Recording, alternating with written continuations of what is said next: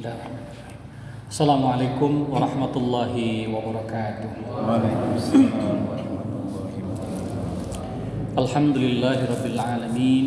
Assalatu wassalamu ala asyrafil mursalin Nabiyyina Muhammadin sallallahu alaihi wasallam wa ala alihi wa ashabihi wa itba'ihi ila yaumiddin. A'udzu billahi minasyaitonir rajim. Bismillahirrahmanirrahim. أم يحسدون الناس على ما آتاهم الله من فضله فقد آتينا آل إبراهيم الكتاب والحكمة وآتيناهم ملكا عظيما صدق الله العظيم Para orang tua kami yang kami muliakan sidang ta'lim rahimakumullah Kita bersyukur pada Allah subhanahu wa ta'ala Pada kesempatan sore hari ini kita masih bisa melaksanakan kewajiban pada Allah Subhanahu wa taala. Mudah-mudahan Allah senantiasa selalu memberikan istiqomah kepada kita sekaligus juga membimbing kita di dalam melaksanakan perintah-perintahnya serta dikuatkan di dalam menjauhi larangan-larangannya. Salat dan salam semoga senantiasa selalu Allah limpahkan kepada Nabi kita Muhammad sallallahu alaihi wasallam pada keluarganya, sahabatnya dan insya Allah siapa saja yang selalu berusaha untuk melaksanakan sunnahnya. Sidang talim rahimakumullah sampai kita pada surah An-Nisa ayat 54. A'udzu billahi minasyaitonir rajim am yahsuduna an-nasa ala ma atahumullahu min fadlihi فقد آتينا آل إبراهيم الكتاب والحكمة وآتيناهم ملكا عظيما ataukah mereka dengki kepada manusia lantaran karunia yang Allah telah berikan kepadanya? Sesungguhnya kami telah memberikan kitab dan hikmah kepada keluarga Ibrahim dan kami telah memberikan kepadanya kerajaan yang besar. Sedang ta'lim rahimakumullah pada ayat sebelumnya ayat ke-53 kita sudah menyinggung tentang kebiasaan orang Yahudi seperti Huyai bin Akhtab dan teman-temannya itu di Madinah pada ayat ke-53 itu kan menghalang-halangi kaum muslimin supaya jangan bersedekah gitu. Jadi mereka ngajak ngajak para sahabat supaya pelit gitu jadi, memprovokasi sudahlah nggak usah berinfak dengan ditakut-takuti kalau di kalau diinfakkan hartanya akan berkurang dan sebagainya dan sebagainya.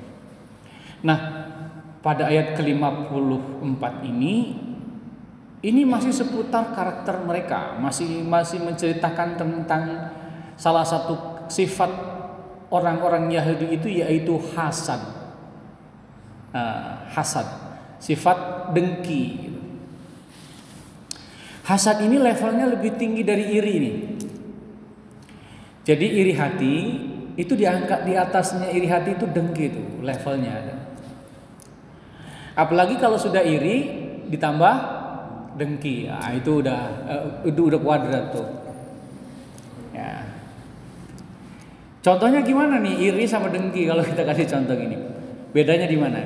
Kalau orang iri, misalnya nih misal ya, misalnya nih ada orang iri ngeliat tetangganya punya motor baru. Iri dia karena motor yang dibeli tetangganya itu lebih bagus ya. Dia merasa tersaingi tuh. Ya, Wahidin, merah nih mukanya nih orang nih kan. Nah. Karena sifat irinya mengubah sikap dia kepada si tetangga itu yang tadinya ramah jadinya asam. Padahal cuma satu, gara-gara cuma iri tetangganya itu beli motor baru. Tapi cuma sebatas asem doang ini. Itu iri namanya. Karena dia nggak nggak nggak ingin merasa disaing, disaing. Tapi kalau naik levelnya menjadi dengki,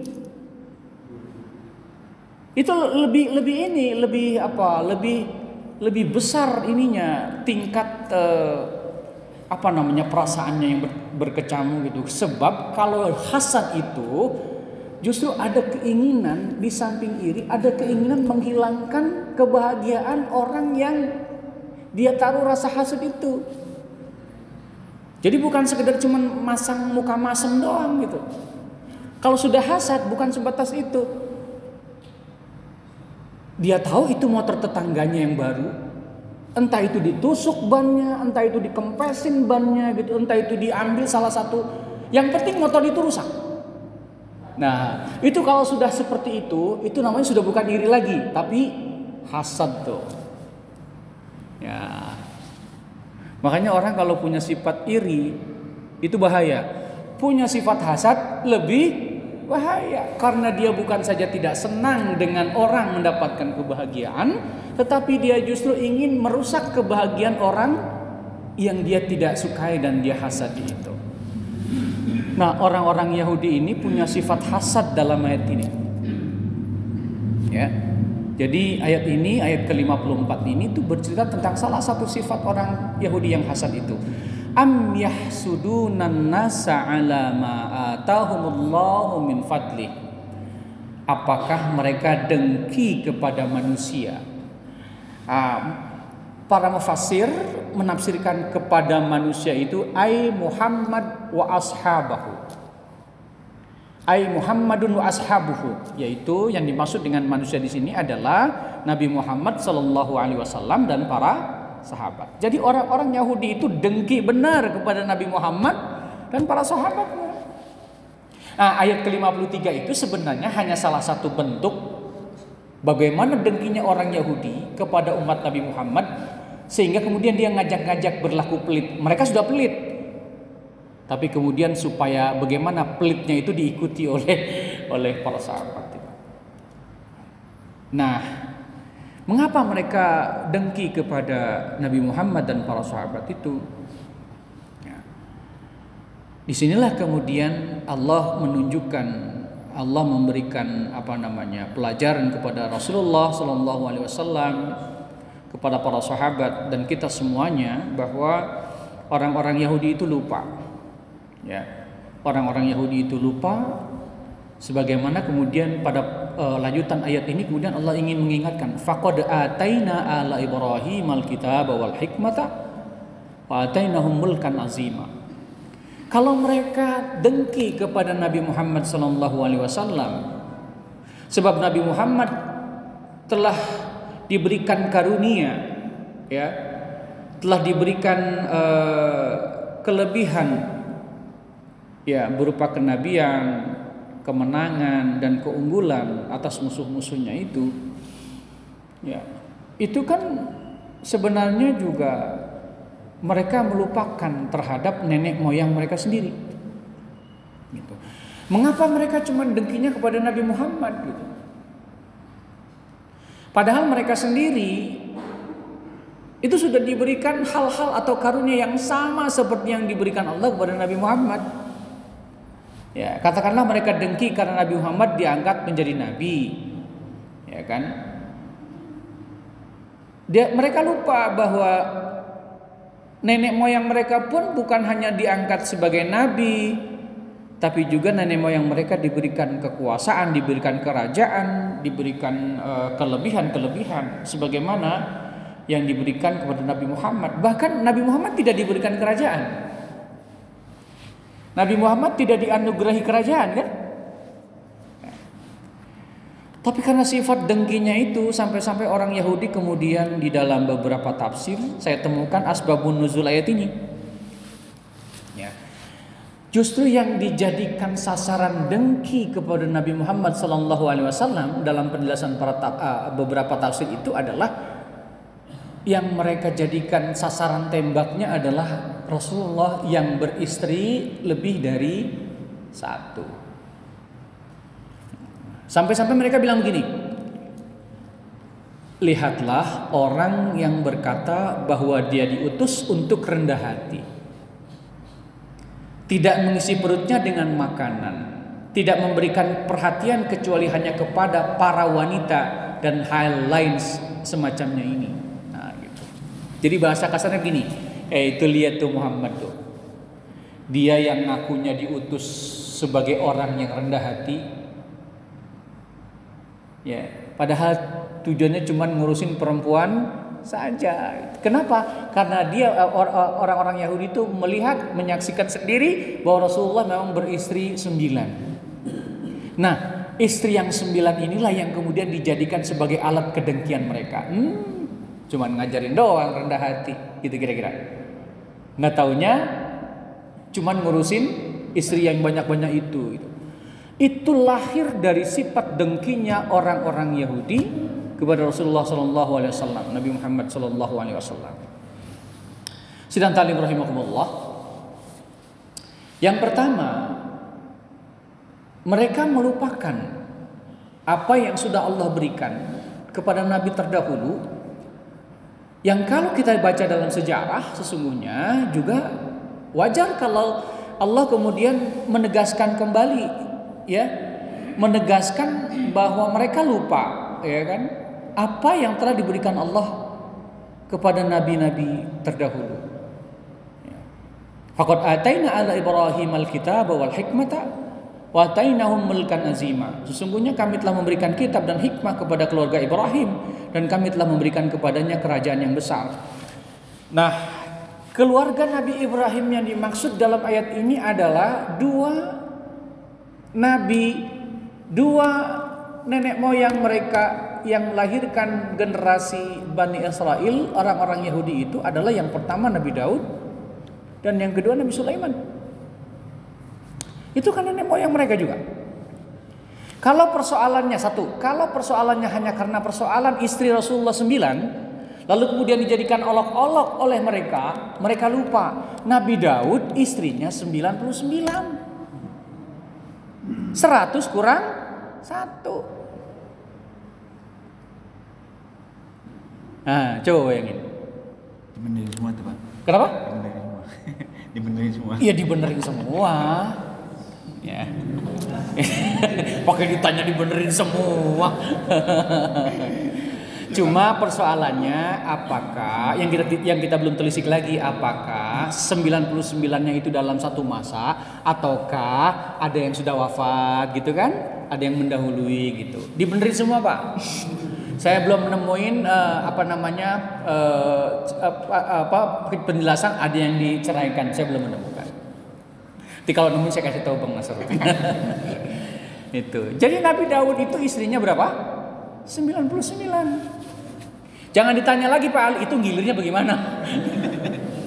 Karena kalau di, di, di seminggu kan cuma tujuh hari. Itu kudu berapa minggu kalau 99? ya kan? Gitu ya. Jadi kalau kemudian yang jadi yang jadi dasar kedengkian adalah soal istri yang Rasulullah 9 itu, dia lupa nenek moyang mereka, keturunan mereka, keluarga Nabi Ibrahim, Nabi Daud salah satunya, istrinya 99, berapa persennya dari Rasulullah istrinya? Nah, yang suka ngitung duit Haji Bakti nih, tahu berapa persen itu Haji? 9 sama 99 Jauh amat Berapa? ya udah jangan dipikirin dah Ribet Bahkan saya pernah saya pernah apa namanya uh, mendengar ceramahnya salah seorang uh, kiai yang lagi viral di di sekarang ini di YouTube itu. Nabi Daud itu sempat kepincut dengan istri salah seorang pekerjanya yang seorang petani. Gitu ya. Jadi hampir-hampir aja itu punya istri genap 100. Gara-gara apa? Gara-gara demen salah satu istri dari pegawainya itu. Itu sampai dikatakan di, disampaikan itu uh, Nabi Daud itu harus minta ampun sujud sampai 40 hari atau 40 apa itu saya agak sedikit keping sebagai bukti bahwa dia sangat menyesal. Nah, itu satu. Lah sekarang anaknya Nabi Daud, Nabi Sulaiman, Nabi, Nabi, uh, Nabi Sulaiman itu ada Nabi Daud. Itu istrinya ngalahin bapaknya. Kalau bapaknya punya istri 99, Nabi Sulaiman istrinya genap cuma 100 itu. Nah, di sinilah kemudian Allah ngasih bantahan kepada mereka. Kalau cuma persoalan uh, kenabian, Nabi Ibrahim, nenek moyang mereka juga nabi. Nabi Muhammad diberikan uh, Al-Qur'an, Nabi Ibrahim juga diberikan uh, hikmah dan suhuf, gitu kan? kemudian keturunannya jadi raja. Nabi Daud raja, Nabi Sulaiman raja kan? Diberikan kekayaan yang luar biasa, diberikan kekuasaan yang sungguh sangat luar biasa. Kenapa mereka dengkinya cuman kepada Nabi Muhammad Sallallahu Alaihi Wasallam? Jadi ibarat kata kalau yang jadi patokan adalah uh, istri itu sama saja dengan kuman di seberang lautan kelihatan, gajah di pelupuk mata kagak kelihatan. Kira-kira begitulah. Nah orang dengki kan biasanya begitu tuh. Nah, ini dengkinya, degignya orang Yahudi seperti itu. Nah itu.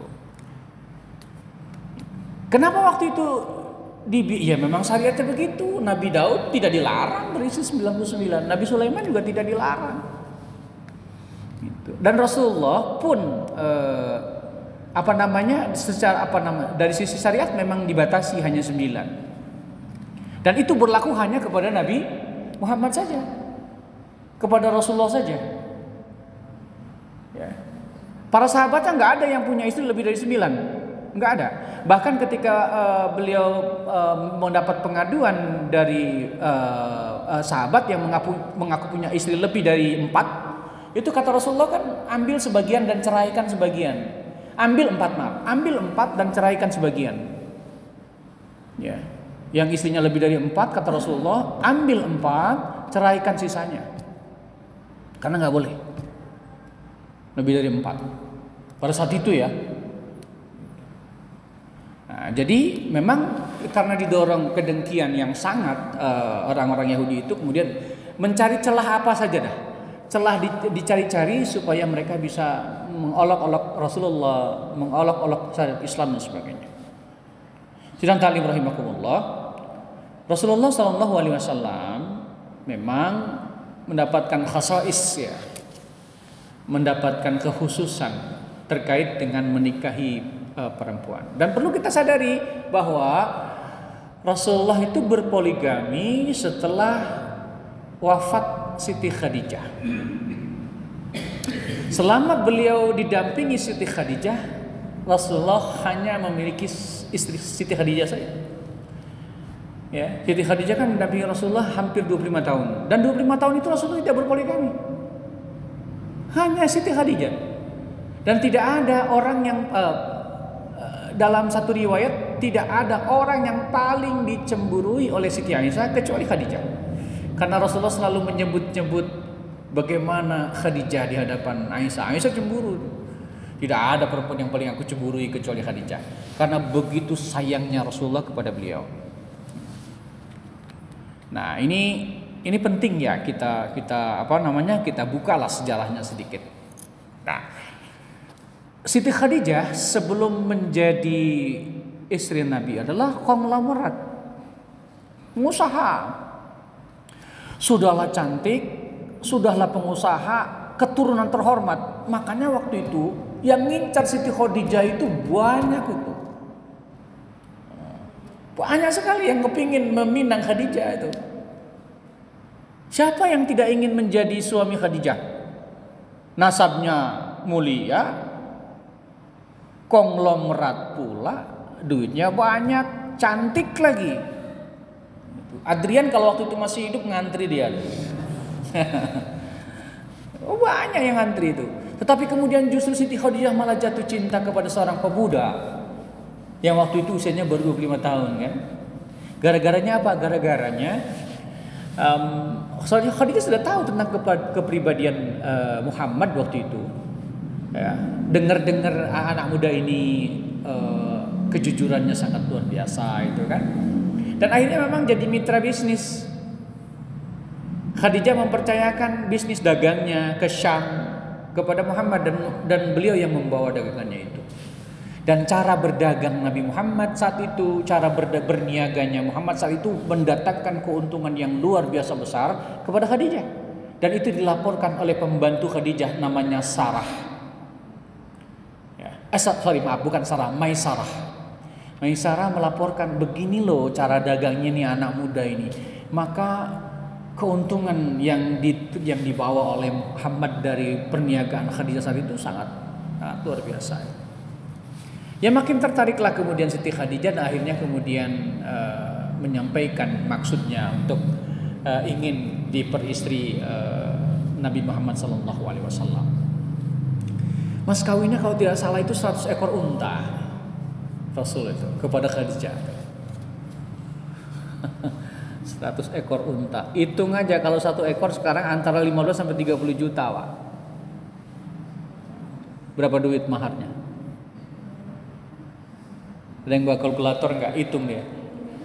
Katakan ambil pertengahannya mediannya lah, 25 juta per ekor kali 100 berapa? Berapa bang? Banyak banget pak nolnya, saya kagak bisa nyebut. Artinya apa? Mahal sekali. Nah itu. Nah, ketika uh, Khadijah sudah mendampingi Rasulullah uh, masuk fase dakwah itu, itu luar biasa. Kekayaan Siti Khadijah itu banyak diperuntukkan untuk menopang dakwahnya Rasulullah SAW. Bahkan di dalam satu buku sejarah itu saya baca itu ya memang harta beliau akhirnya semuanya diperuntukkan untuk dakwah, menopang dakwah Rasulullah Sallallahu Alaihi Wasallam. Nah begitu cintanya Khadijah dan begitu setianya Khadijah kepada Rasulullah itu dan begitu inginnya Khadijah menyumbangkan harta untuk membangun dakwah Islam itu sampai-sampai di dalam buku kalau tidak salah mohon maaf kalau tidak salah saya baca di dalam bukunya eh, karangan Muhammad Husain Haikal, Hayatul Muhammad itu, sampai Siti Khadijah bilang begini, andaikan engkau membutuhkan tulang belulangku untuk engkau jadikan jembatan agar engkau bisa melewati sungai untuk engkau berdakwah, gali saja kuburanku dan jadikan tulang-tulangku sebagai jembatan. Coba bayangin Pak Haji, apa apa apa, apa Wahidin, istri yang seperti itu. Ya tapi kan kagak mungkin kalau misalnya bikin jembatan harus gali tulang belulang. Itu, itu adalah ungkapan betapa cinta Siti Khadijah dan betapa Siti Khadijah dalam membantu dakwah Rasulullah itu luar biasa. Sampai tulang-tulangnya disuruh gali kalau itu dijadikan jembatan untuk Rasulullah bisa melewati sungai supaya Rasulullah bisa berdakwah. Makanya Rasulullah begitu sangat mencintai Khadijah sampai sering kali beliau menyebut-nyebut di hadapan para istrinya. Nah, Siti Aisyah yang paling muda itu suka cemburu dia ketika Rasulullah suka nyebut-nyebut Khadijah. 25 tahun. Nah, setelah ditinggal wafat Siti Khadijah lah kemudian Rasulullah uh, kalau tidak salah pertama menikahi Ummu Salamah. Ya. Ummu Salamah waktu ditinggal suaminya itu diajarin doa sama Nabi. Waktu ditinggal eh, istrinya, eh suaminya Ummu Salamah diajarin doa sama Nabi. Doanya bagaimana? Doanya gini nih. Allahumma ajirni fi musibati wa li khairum minha. Ya Allah dampingilah aku dalam menghadapi musibah kematian ini li khairum minha dan berikanlah kepada saya pengganti suami saya dengan laki-laki yang paling baik. Subhanallah. Siapa yang gantiin? Rasulullah. Ummu kemudian dinikahi oleh Rasulullah. Dan pernikahan Rasulullah itu berdasarkan perintah wahyu. Dari semua perempuan yang dinikahi Rasulullah semuanya adalah janda kecuali Aisyah. Gitu ya, kecuali Siti Aisyah. Kalau ingin tahu bagaimana kehidupan Rasulullah dengan para istri beliau, silakan baca kitabnya Imam Turmuzi. Karangan Imam Turmuzi itu ada kitab yang bagaimana uh, pergaulan Rasul dengan para istrinya. Ya, As-Samail Al-Muhammadiyah. Kitab ini sudah diterjemahkan ke dalam bahasa Indonesia. Jadi kalaupun kita tidak bisa merujuk kepada kitab aslinya, kita bisa baca terjemahannya itu. Nah, bagaimana ketika Rasulullah mendapatkan undangan Sementara yang dapat giliran siapa nih yang mau dibawa? Karena kan sembilan. Maka Rasulullah mengundi siapa yang namanya keluar itu yang digandeng. Itu. Dan yang ya istrinya nurut semua itu. Itu kehidupan Rasulullah ya yang dijadikan uh, bahan oleh orang-orang Yahudi sifat hasad orang Yahudi itu dimunculkan lalu kemudian itu dijadikan sebagai olok-olok untuk merendahkan untuk menjatuhkan martabat Rasulullah di hadapan para sahabat. Tapi ya Rasulullah kan dipelihara oleh, oleh Allah Subhanahu wa taala dari segala celah kan. Ya. Makanya apa pun yang dilakukan oleh orang-orang Yahudi untuk menjatuhkan martabat Rasulullah, ya Allah selalu memelihara Nabi Muhammad dan selalu gagal. Kan langsung wahyu turun ngasih tahu. Kalau persoalannya soal jumlah istri, ah, lihat saja Nabi Daud alaihissalam orang yang menjadi yang masih satu garis keturunan dengan mereka. Karena Nabi Daud istrinya 99, Nabi Sulaiman juga istrinya ada 100, kan begitu. Nah, ini uh, apa yang kemudian apa menjadi uh, bagian dari uh, bantahan ataupun pelurusan yang Allah berikan kepada orang-orang Yahudi itu. Nenek moyang mereka sendiri salah satunya adalah Nabiullah Ibrahim alaihi salam itu ya selama ini kita tahu Nabi Ibrahim itu istrinya kan dua. Satu Siti Hajar yang melahirkan Ismail, yang kedua Siti Sarah yang melahirkan Ishak. Nah, padahal Nabi Ibrahim itu istrinya empat. Dari keempat istri itulah berkembang beranak pinak. Jadi beliau poligami. Ya karena memang para nabi itu ya memang begitu di dalam sejarah. Ya. Nabi Sulaiman kan istrinya 100 itu kan berdasarkan hadis riwayat Imam Bukhari. Nah, itu. Jadi uh, jadi salah sasaran lah, salah tembak lah orang-orang Yahudi mengenai uh, perilaku hasad mereka kepada Rasulullah Shallallahu Alaihi Wasallam. Sedang taklim rahimakumullah Yang juga patut kita perhatikan adalah bahwa di samping persoalan istri tadi justru nenek moyang mereka yang menurun yang diturunkan dari Nabiullah Ibrahim alaihissalam itu di samping mereka juga mendapatkan Alkitab di samping mereka juga mendapatkan suhuf ya. Nabi Daud mendapatkan kitab Zabur ya Nabi Sulaiman itu kemudian mendapatkan ke, apa namanya kekuasaan kerajaan yang sangat luar biasa. Ya. Sampai-sampai yang yang paling terkenal itu kan uh, ketika kisah Nabi Sulaiman dengan Ratu Bilqis ya. Yang kerajaannya itu bukan saja Nabi Sulaiman itu uh, tentaranya bukan saja manusia, bukan saja apa, tapi jin muslim pun menjadi tentara kekuasaan Nabi Sulaiman. Artinya apa? Jadi mereka memang sangat luar biasa dari sisi keturunan yang sudah diberikan anugerah kekuasaan. Nabi Sulaiman bukan saja kaya, bukan saja uh, apa namanya uh, kekuasaannya sangat kuat, tapi juga dia bisa menguasai, menguasai bangsa jin. Ya, burung saja bisa diperintah. Kan Nabi Sulaiman begitu kan. Menguasai juga bahasa binatang. Satu kali Nabi Sulaiman akan lewat dan pasukannya tuh. Karena pasukannya mau lewat, Nabi Sulaiman kemudian ngetop tentaranya, eh berhenti dulu, berhenti dulu. Nabi Sulaiman tersenyum. Kenapa? Karena itu semut-semut riwuh. Raja semut riwuh tuh ngingetin tentaranya masuk masuk ke lubang-lubang kalian masuk semuanya masuk tentara Sulaiman mau lewat kalau keinjek mencret kalian semua kan gitu Nabi Sulaiman karena paham bahasa semut ya senyum aja dia maka kemudian uh, dia, dia dia apa beliau menyetop sementara pasukannya berhenti dulu berhenti dulu. Setelah itu uh, semut-semut pada masuk baru melanjut perjalanan lagi. Ya. ya. Itu untungnya bisa ngerti bahasa semut Pak Jibati ya kan? Nah, makanya kalau ngerti bahasa semut nggak bakal tuh semut bakot dikencingin uh, John ya. Oh, lagi semut termasuk salah satu hewan yang nggak boleh dibunuh kan. Ya. Semut nggak boleh salah satu salah satu hewan yang nggak boleh dibunuh. Terus gimana kalau misalnya gigitannya luar biasa? Ada yang digigit semut sama bentol-bentol, gatel-gatel segala macam gitu. Bagaimana itu dibunuh juga nggak Pak Wakti, Pak Wahidin? Dari Peters itu mah ya. ya, jadi kalau ya kalau ternyata membahayakan jiwa kita ya ya apa boleh buat gitu kan. Tapi umum, apa namanya perintah umumnya itu eh, eh etika umumnya kita tidak kita dilarang uh, membunuh semut. Selama semut itu gak nggak ganggu, jangan jangan dibunuh lah kira-kira begitu.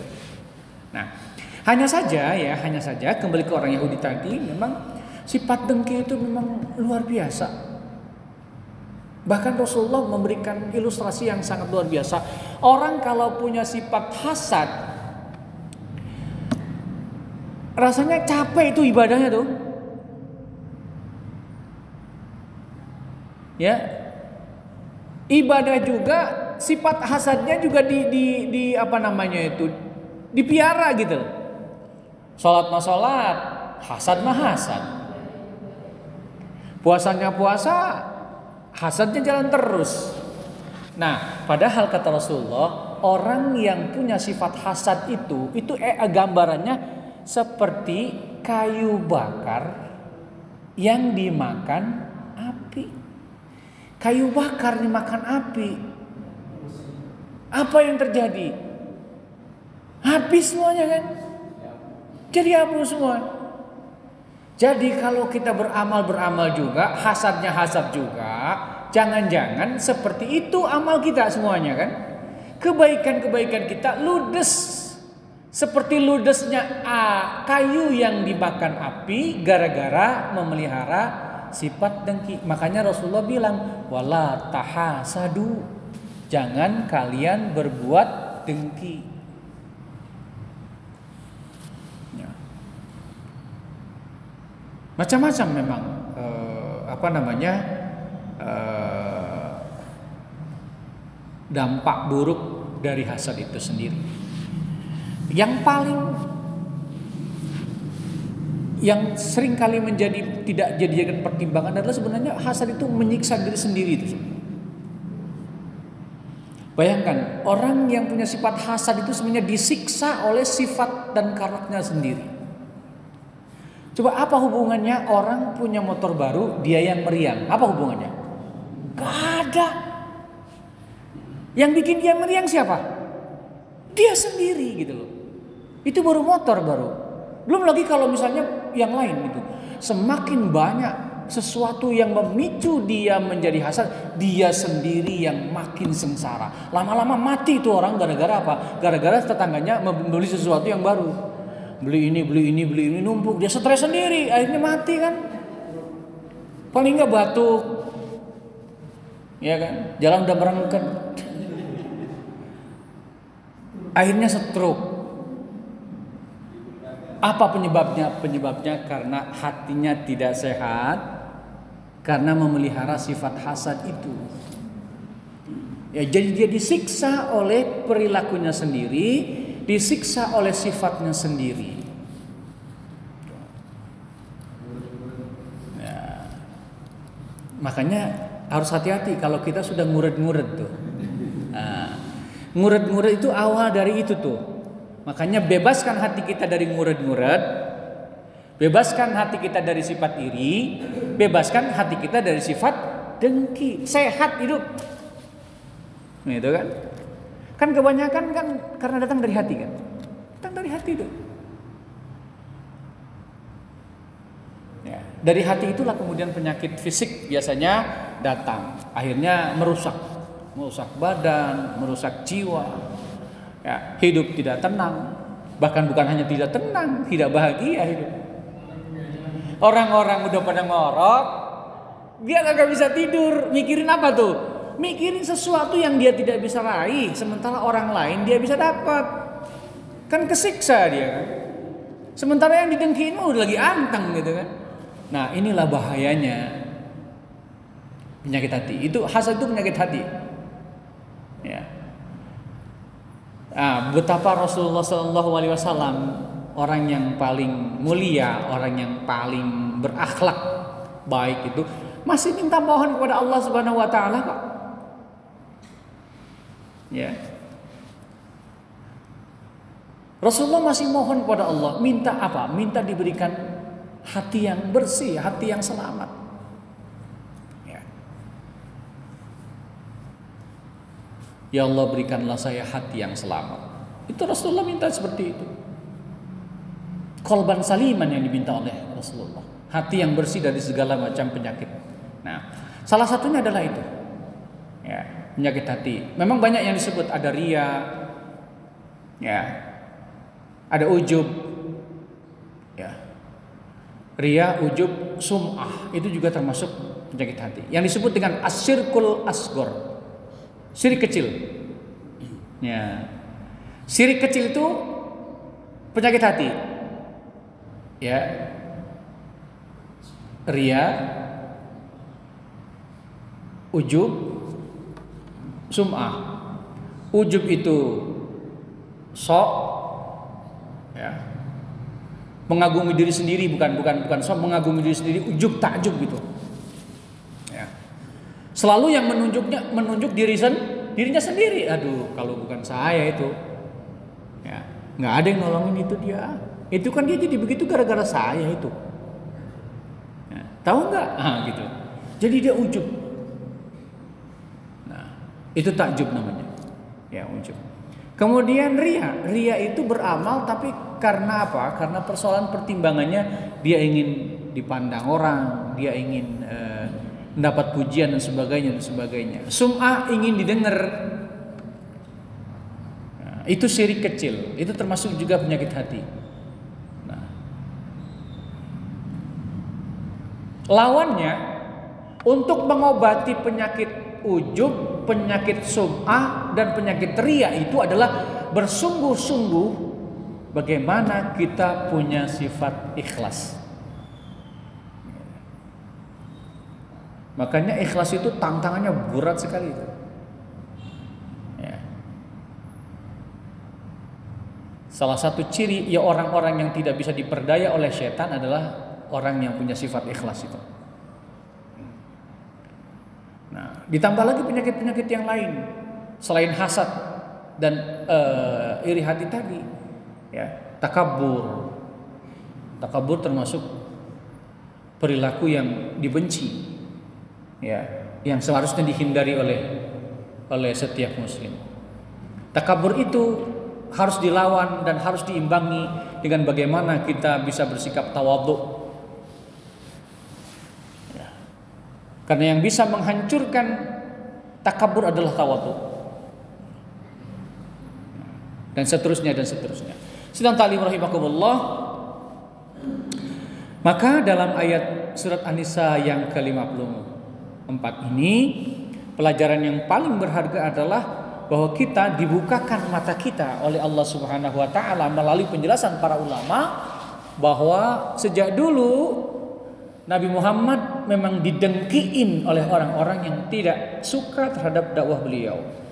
Sampai hari ini pun ya orang-orang yang memelihara sifat dengki itu terhadap umat Nabi Muhammad pun masih berlangsung masih terus ada. Gitu. Nggak akan pernah mati itu namanya jiwa-jiwa Abu Jahal.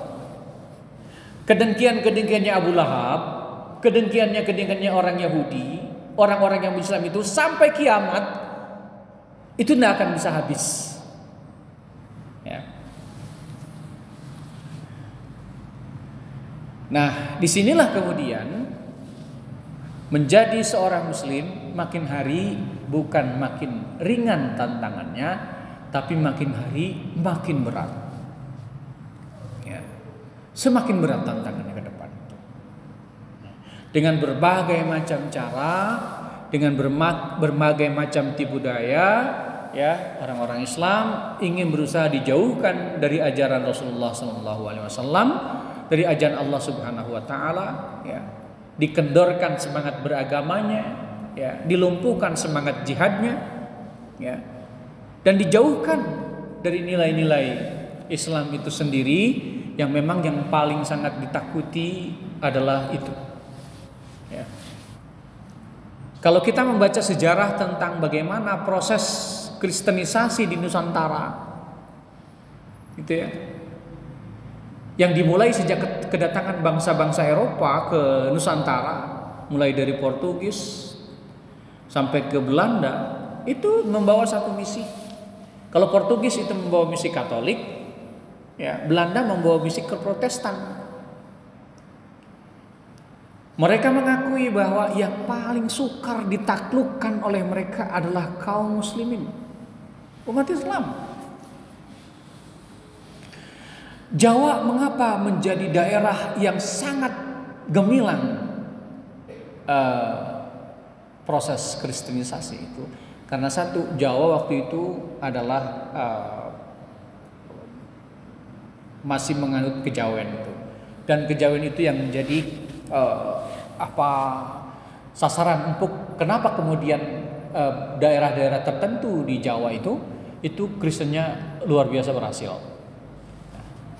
Yang paling menjadi mereka geleng-geleng kepala itu adalah ketika mereka berhadapan dengan kaum muslimin. Kalau sudah berhadapan dengan kaum muslimin itu benteng yang paling kuat, Pak, yang paling tidak, yang paling sukar ditembus. Gitu. Makanya kan tingkat keberhasilan kristenisasi itu kan ada di Jawa kan. Ada di Jawa dan beberapa daerah-daerah di Indonesia Timur. Sementara bagian barat, Jawa Barat, apalagi Sumatera Barat, itu sukar ditembus karena Islamnya kuat di situ. Kuat sekali. Itu baru baru dari satu sisi. Nah, karena itulah kemudian eh, cara-cara bagaimana kaum muslimin dilemahkan itu semakin hari semakin canggih, semakin hari semakin berat. Nah, sebagaimana dulu Rasulullah beratnya menghadapi perilaku hasadnya orang-orang Yahudi itu, maka Mengapa kemudian kaum muslimin harus uh, terus diingatkan supaya jangan berpecah belah, jangan bercerai-berai. Umat Islam itu dilumpuhkan dengan cara dicerai-beraikan. Sadarlah kita bahwa selama ini banyak perkara-perkara yang tidak penting di mana umat Islam bertengkar satu sama lain itu sesungguhnya adalah tidak lepas dari permainan orang-orang yang memang ingin melemahkan persatuan umat Islam. Mudah-mudahan eh, ini menjadi pelajaran buat kita dari ayat surat An-Nisa ayat ke-54. Salah satu yang bisa kita ambil sebagai pelajaran adalah sama-sama kita hindari penyakit yang sangat berbahaya yaitu hasad. Subhanakallahumma wa bihamdika asyhadu an la ilaha illa anta astaghfiruka wa atubu ilaik. Billahi taufiq wal hidayah. Assalamualaikum warahmatullahi wabarakatuh. Waalaikumsalam. Bapak Ibu jamaah sekalian, demikianlah isi taklim yang